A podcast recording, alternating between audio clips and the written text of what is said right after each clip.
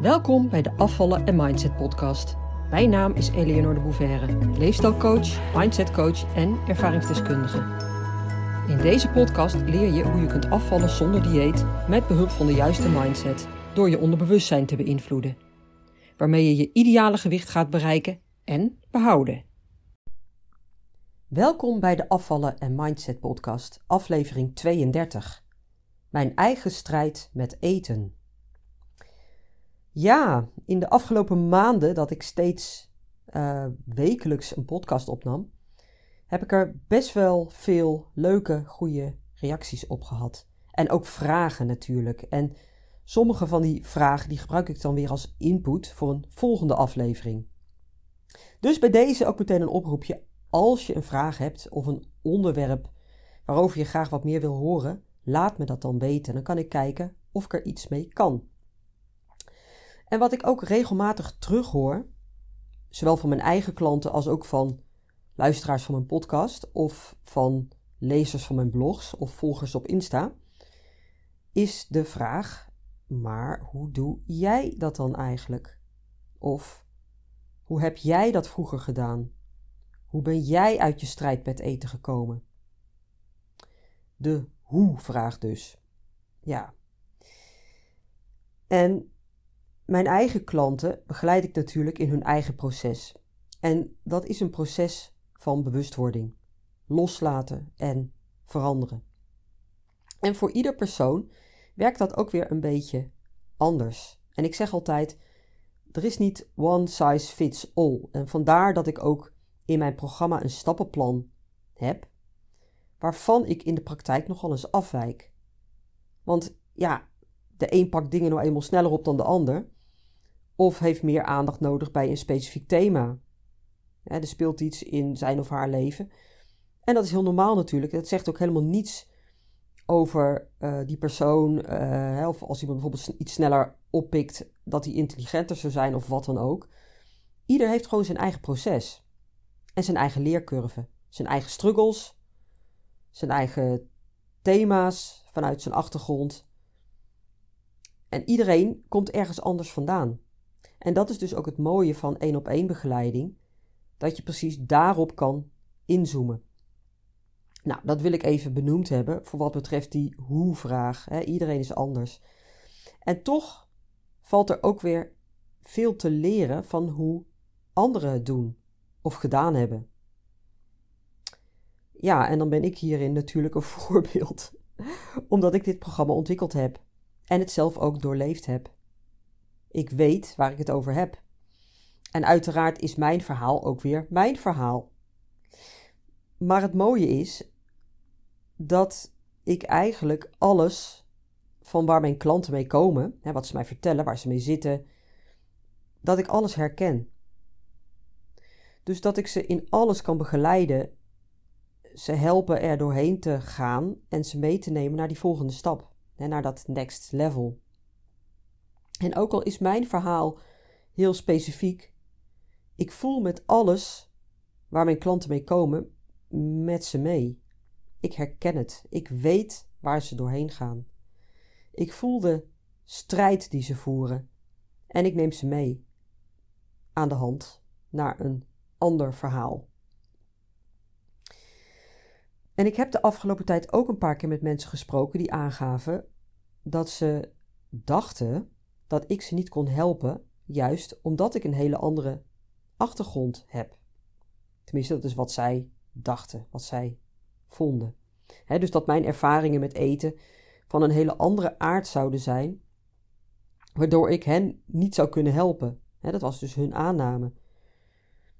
Maar het grappige is, als ik daar dan over doorvroeg waarom ze dachten dat mijn ervaring zo anders was, dan moesten ze uiteindelijk ook zelf de conclusie trekken dat dat eigenlijk een excuus was. Dus een excuus voor zichzelf, hè? Om zich niet te laten helpen. Om er niet voor te gaan. Omdat ze het te spannend vonden. Omdat ze niet durfden te geloven in zichzelf. Dat ze echt een bold move konden maken. En ik ben er juist van overtuigd dat ik door mijn ervaringen door alles wat ik heb meegemaakt en waar ik doorheen heb moeten gaan, dat ik alle facetten van zeg maar deze problematiek kan pakken, kan begrijpen en kan helpen omdraaien. En dat ik dus iedereen kan helpen. Iedereen. Of je nou 50 kilo overgewicht hebt of 5 kilo, maar evengoed wel die strijd met eten in je kop hebt. Dus wel die verstoorde relatie met eten. Het maakt helemaal niet uit waar je uiterlijk gezien nu staat. Het gaat om wat erachter zit hè, of wat eronder ligt. Waar je eten allemaal aan koppelt. De patronen die je ontwikkeld hebt. Nou, oké. Ik zal nu wat meer gaan delen over waar ik vandaan kom. Hè, voor zover dat natuurlijk betrekking heeft op de strijd met eten die ik zelf jarenlang gevoerd heb. Ja, en waar moet je dan beginnen? Hmm, nou, toen ik uh, eh, 14 jaar was, was ik best wel een tegendraadse puber, zeg maar. Mijn moeder, mijn moeder zei altijd, ja, doe niet zo recalcitrant. En ik vond het altijd een geweldig woord, recalcitrant. Um, maar ja, ik, ik kom uit best wel een apart gezin, al zeg ik het zelf. Waarin geloof een hele belangrijke rol speelde. He, wij waren eigenlijk anders. We hadden wel veel vrijheid. Ik mocht bijvoorbeeld ja, altijd buiten spelen, ook zomers tot, tot vrij laat speelde ik, speelde ik buiten. Um, maar even goed heb ik wel heel veel angst gekend in mijn jeugd. Onderhuids voelde ik altijd een zekere angst. Een heel onbestemd gevoel. Bedreigend. En later ben ik gaan inzien waar deze angst vandaan kwam. En waarom ik al zo vroeg geprogrammeerd was in een overlevingsmodus. En in het boek dat ik aan het schrijven ben, ga ik daar wat dieper op in. Ook omdat het een essentieel onderwerp is, of een, een essentieel onderdeel is ehm, van het hele verhaal. Niet omdat mijn verhaal nou zo belangrijk is, maar omdat iedereen zo zijn eigen verhaal heeft. Je herkent altijd wel iets in het verhaal van een ander. En vaak best veel zelfs. dat heb je ook als je een boek leest. En ook al heb jij een totaal ander leven, emoties zoals angst, uh, verdriet, eenzaamheid en wanhoop herkent iedereen. Jezelf verloren voelen ook. Of, je zo, of jezelf totaal niets meer waard vinden. Het zijn allemaal hele menselijke ervaringen. Maar goed, ik kom dus uit een best wel traditioneel gezin. Waarvan ik later pas ging inzien dat het eigenlijk best wel een vreemd nest was. Ja, in die zin, mijn ouders waren allebei behoorlijk beschadigd. En nou is natuurlijk niemand in het leven onbeschadigd, hè? laat dat duidelijk zijn. Maar even goed, het overlevingsgehalte was wel duidelijk aanwezig, zeg maar. Hè? Dus ik had het niet van, van een vreemde. mijn vader ehm, ja, was best wel een in zichzelf gekeerd persoon. Een beetje, ehm, ja, hij, hij kwam ook uit een een beetje een eigenzinnig gezin. Waarin mijn oma de, de scepter zwaaide en alles bepaalde voor haar man, mijn opa dus, en haar twee zoons. En haar kinderen waren haar alles. En was ook geen vrouw goed genoeg voor haar oudste zoon. Hè? Dus ook mijn moeder niet. En mijn vader zelf, die was dus behoorlijk in zichzelf gekeerd. Een beetje een, een, een Einzelganger. Nou houd ik niet van stempeltjes. Maar als ik vertel dat hij sociaal niet zo heel erg handig was, dan snap je waarschijnlijk wel een beetje wat ik bedoel. Mijn vader bemoeide zich bijvoorbeeld ook niet zo met de opvoeding. En mijn moeder was een, nou, is moet ik zeggen, mijn moeder leeft gelukkig nog. Mijn moeder is een Joodse oorlogswees. En tijdens de oorlog bleef zij gespaard omdat ze ja, zwakke longen had en daardoor eerst in een sanatorium kwam om te herstellen. En van daaruit in een heel liefdevol pleeggezin. Haar vader overleed al tijdens de oorlog aan een vorm van TBC. En haar moeder, mijn oma dus, die werd vermoord in Auschwitz, samen met nog veel andere familieleden. En mijn moeder heeft haar ouders dus nooit bewust gekend. Maar wel het pleeggezin waar ze tot haar vijfde jaar mocht wonen, hè, totdat de oorlog voorbij was. En daarna werd ze, helaas moet ik zeggen, opgeëist door de zus van haar moeder. En die was namelijk als enige van de familie ehm, gespaard gebleven. Zij had de oorlog overleefd omdat ze met een vooraanstaande katholieke man getrouwd was. En mijn moeder werd dus weggerukt uit dat liefdevolle pleeggezin en kwam terecht bij een voor haar totaal onbekende familie. En ja, die familie heeft haar eigenlijk ook nooit echt geaccepteerd. Ze werd daar als een assenpoester behandeld. En ja, je kun je voorstellen dat je daar ook niet onbeschadigd uitkomt uit zo'n jeugd. Toen ze volwassen werd, voelde ze zich helemaal niemand. En ze was zo klein gemaakt en vernederd. En zo bang voor mensen ook en voor het leven zelf. Ze snapte het gewoon allemaal niet. En vanuit die persoon die ze toen was, trouwde ze met mijn vader. Nou, mooie combi dus. ja. Nou, dit verhaal, dat vertel ik dus uitgebreid in mijn boek. Maar voor nu even als context van het, van het, ja, van het nest waar ik uitkom. En het oorlogstrauma dat mijn moeder onbewust met zich meedroeg, was bijna dagelijks voelbaar. Achteraf gezien dan, hè? Achteraf gezien, ja, was het allemaal heel, heel duidelijk. Het was vervlochten in heel veel dingen die we deden. Verhalen die we te horen kregen.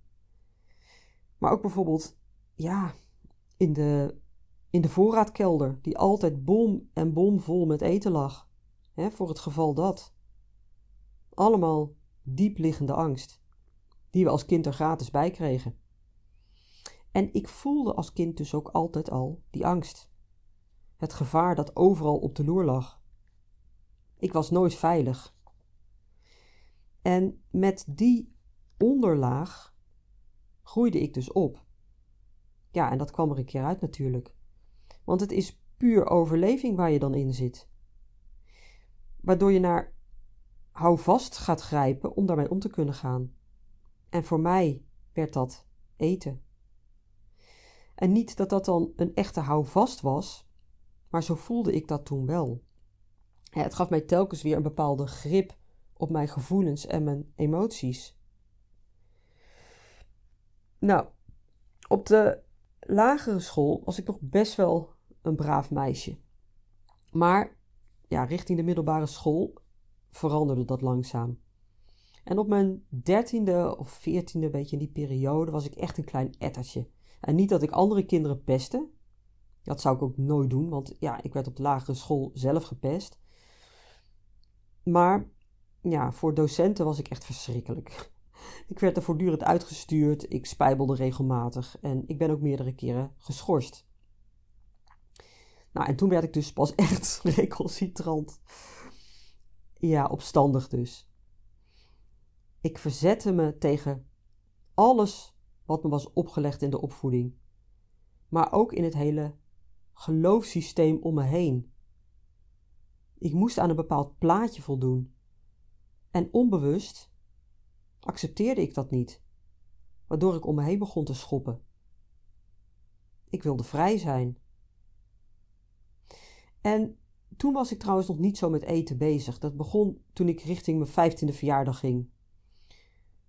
En tot die tijd vond ik meisjes om me heen ook altijd heel erg, ja, meisjesachtig en, en vooral aanstellerig als ze zeiden dat ze, ja, dat ze aan het lijnen waren. Want dat waren ze dus altijd in mijn optiek.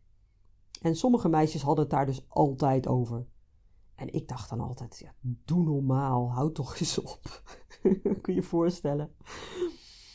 Tot ik op een gegeven moment geconfronteerd werd met een klasgenoot. Echt een rotjoch, vond ik.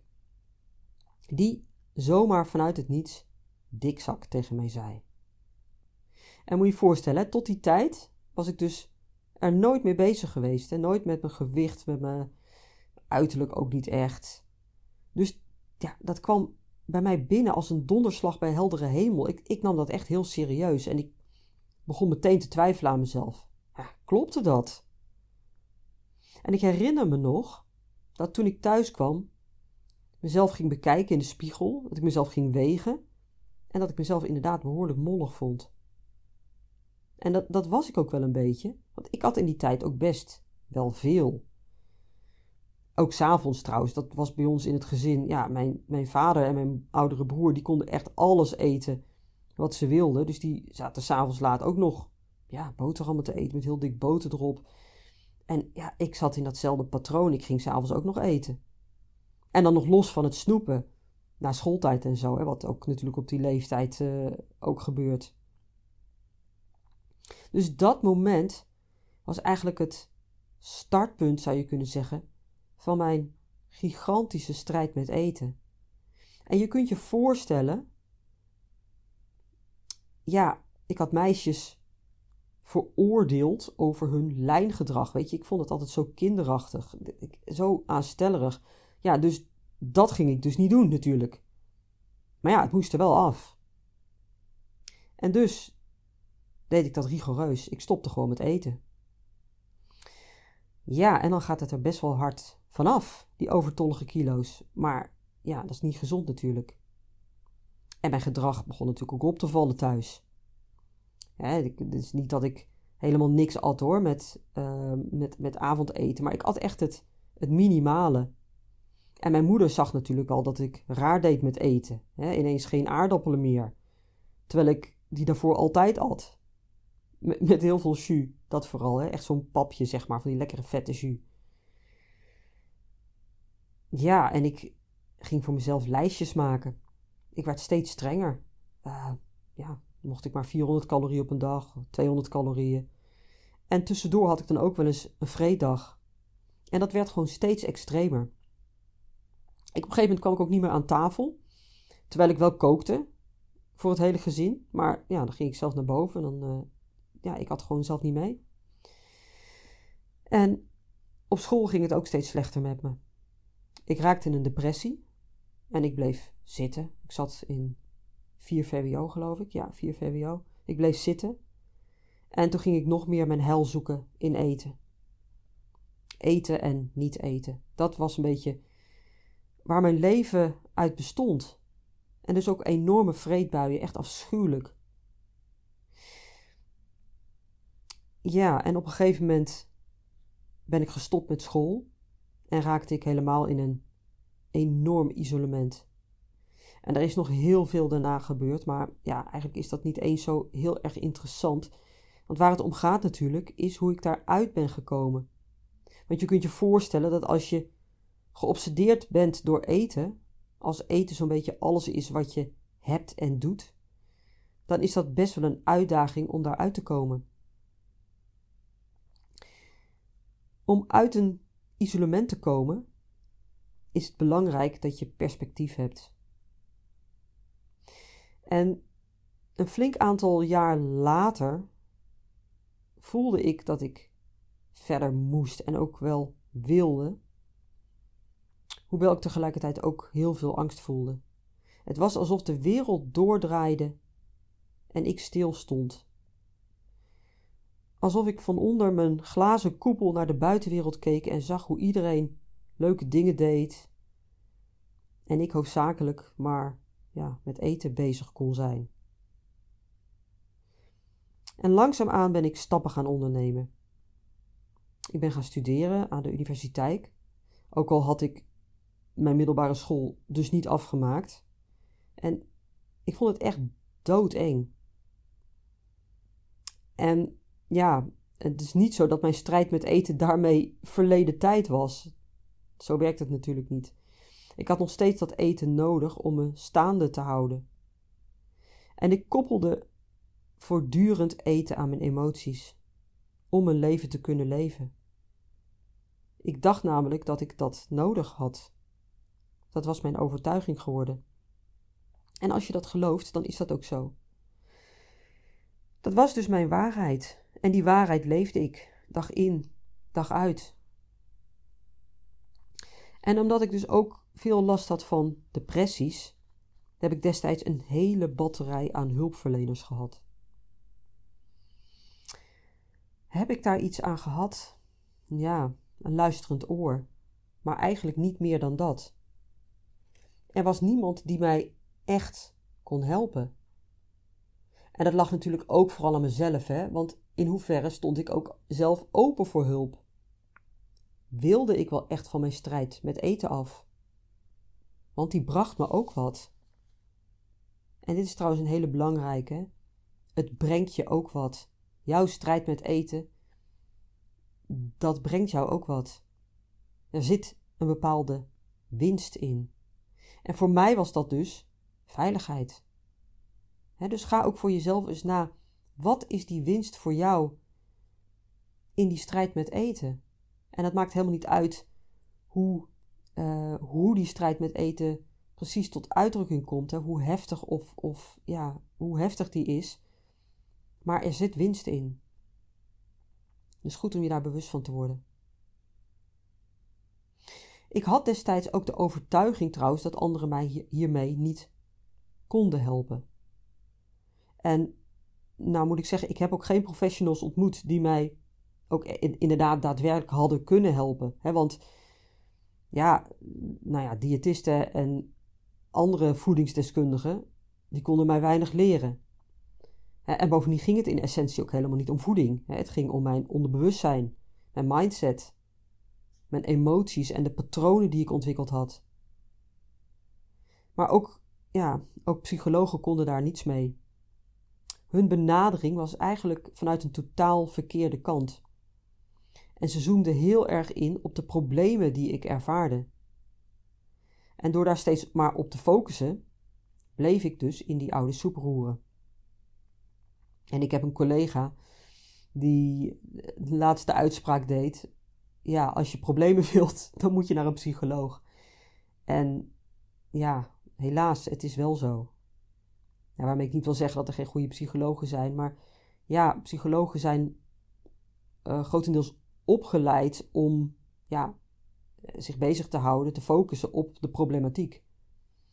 Hè, en hoe je daarmee om moet gaan. En dat was niet wat ik uh, nodig had, wat mij ging helpen.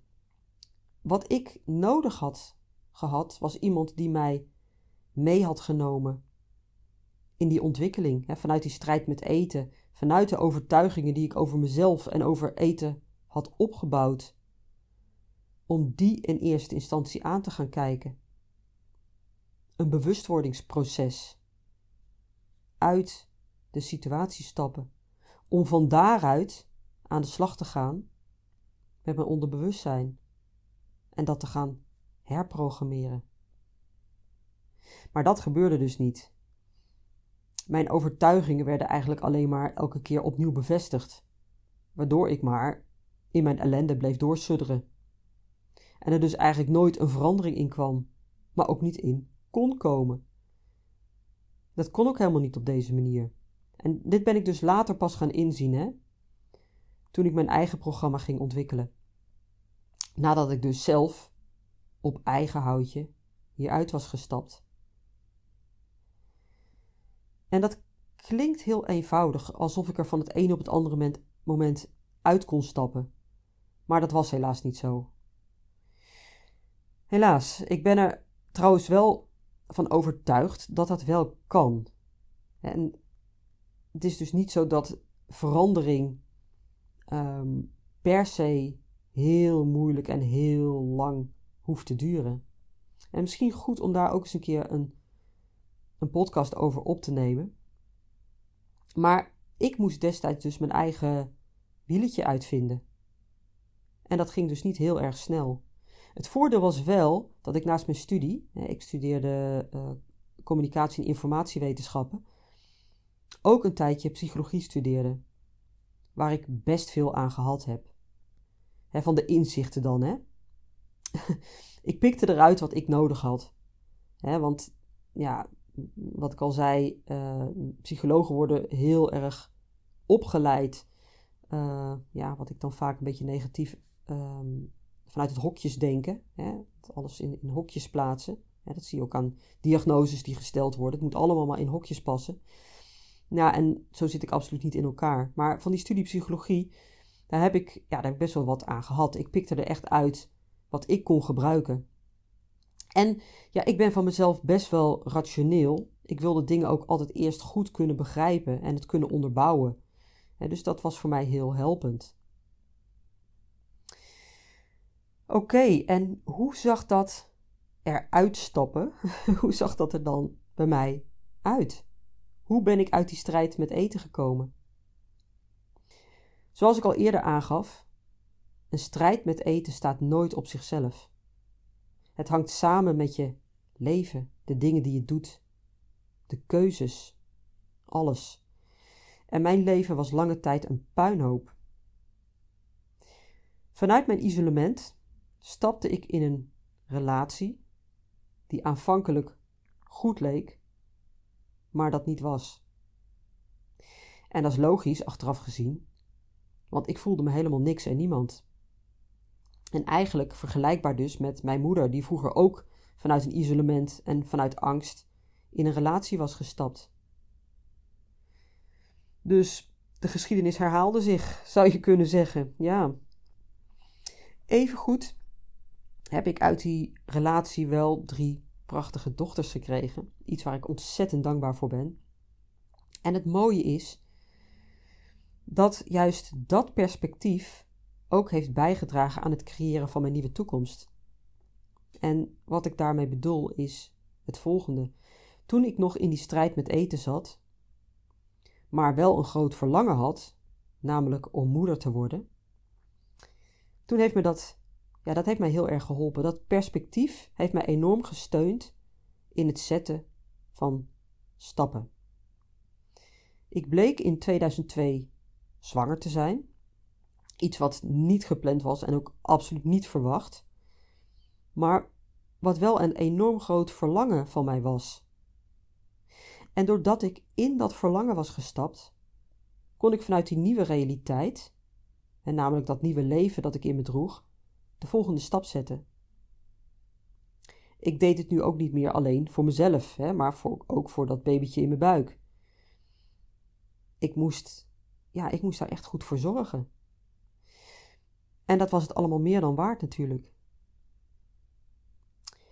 En waar het dus hier om gaat, is dat het hebben van een verlangen en vanuit dat verlangen het hebben van een doel in je leven, dat dat cruciaal is. Ik geef mijn klanten die in mijn programma zitten ook altijd de opdracht om hun doel heel concreet te gaan formuleren. Waar wil je naartoe? Hoe ziet jouw nieuwe jij eruit? Als je dat helder voor ogen hebt, kun je er ook naartoe werken. Want anders dan, ja, dan blijf je maar een beetje aanmodderen. En het is net als met een auto, als je ergens naartoe wil rijden en je hebt een doel en je stelt je navigatiesysteem in, dan rij je er rechtstreeks op af. Maar doe je dat niet, ja, dan blijf je maar doelloos een beetje rondrijden. Of je, of je maakt enorme omwegen voordat je uiteindelijk bij je bestemming aankomt. Dus het formuleren van je doel, dat echt concreet maken, is echt die stip op de horizon. Want dat is waar je naartoe wil. Dat is waar je naartoe gaat. Ik beschouw mijn eerste zwangerschap eigenlijk als een eerste stap uit mijn strijd met eten. Want het was natuurlijk niet allemaal ineens opgelost. Ik moest het immers helemaal zelf doen.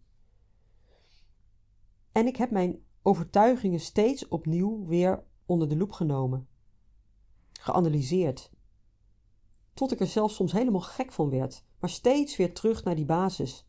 Wat denk ik allemaal? Wat, wat geloof ik allemaal? Welke emoties hangen hier aan vast? Is dit wat ik wil? Is dit het leven wat ik wil? Is dit hoe ik met eten wil omgaan? Is dit hoe ik met mijn emoties wil omgaan? Als je dit vaak herhaalt, ga je steeds duidelijker je valkuilen zien.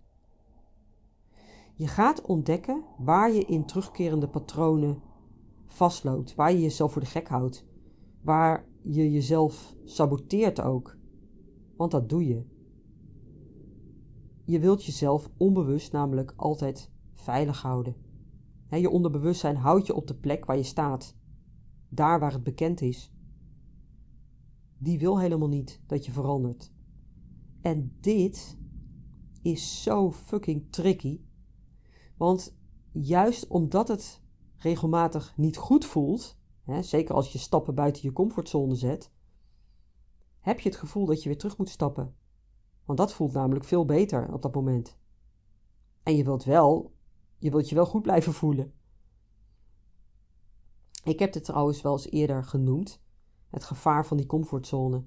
Dat je hier echt bewust van moet zijn als je wilt veranderen. Als je blijvend wilt veranderen, moet ik zeggen. Want ja, gewoon een dieet volgen is nog steeds binnen je comfortzone. Nou, oké, dat kan ook ongemakkelijk zijn. Maar dat is nog te overzien. Zeker omdat het tijdelijk is. Hè? Dan weet je al dat het op een gegeven moment klaar is. Maar echte blijvende verandering, daar reageert je onderbewustzijn heel anders op. Daarvoor zul je shifts moeten maken. Als je echt wilt afvallen, en daarmee bedoel ik dus dat je blijvend gewichtsverlies wilt bereiken, hè, dus een blijvend lager gewicht. Als je dat echt wilt, dan ben je bereid om lastige stappen te zetten. Om uit je comfortzone te stappen. Om te doen wat daarvoor nodig is. En dat begint dus bij het besluit dat je het gaat doen. Zonder excuses, onvoorwaardelijk. Dat vraagt van je dat je ervoor gaat. Voor de volle 100%. Niet voor 80%, niet voor 90 of 95, niet voor 98%, maar voor 100%. Want als je het voor minder doet, hè, stel dat je het voor 98% zou doen, dan zijn er altijd nog uitvluchten mogelijk.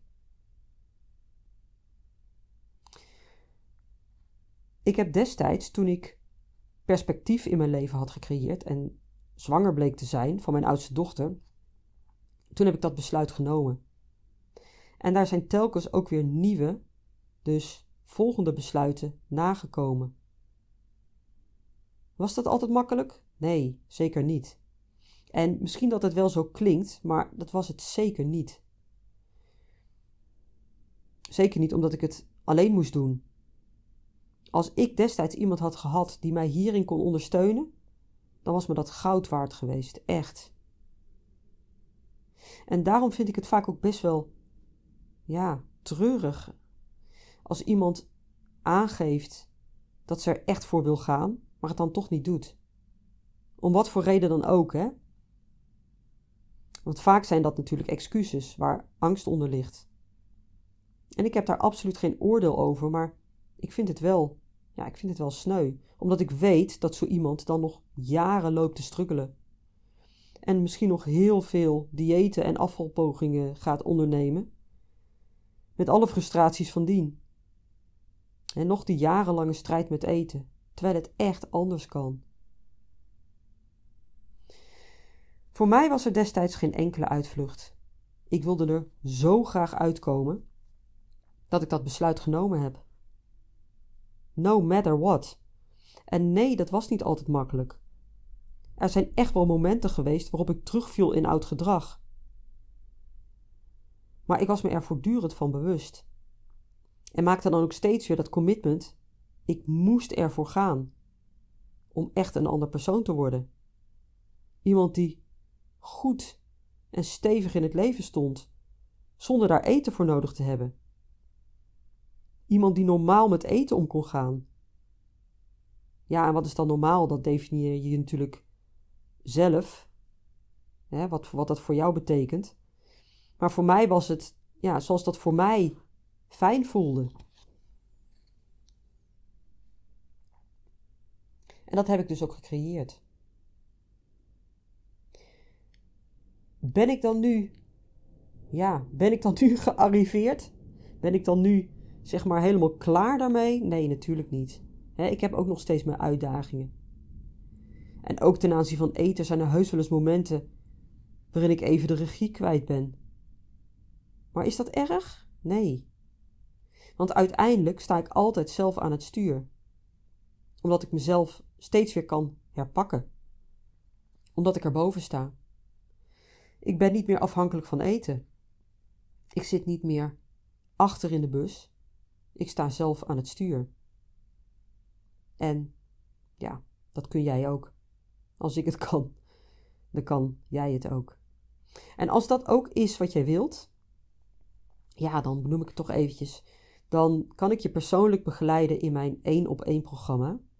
En dat is zowel op locatie, hè, dus in mijn praktijk hier in Ravenstein, als ook via Zoom. Dat kan ook, hè, dus ook online.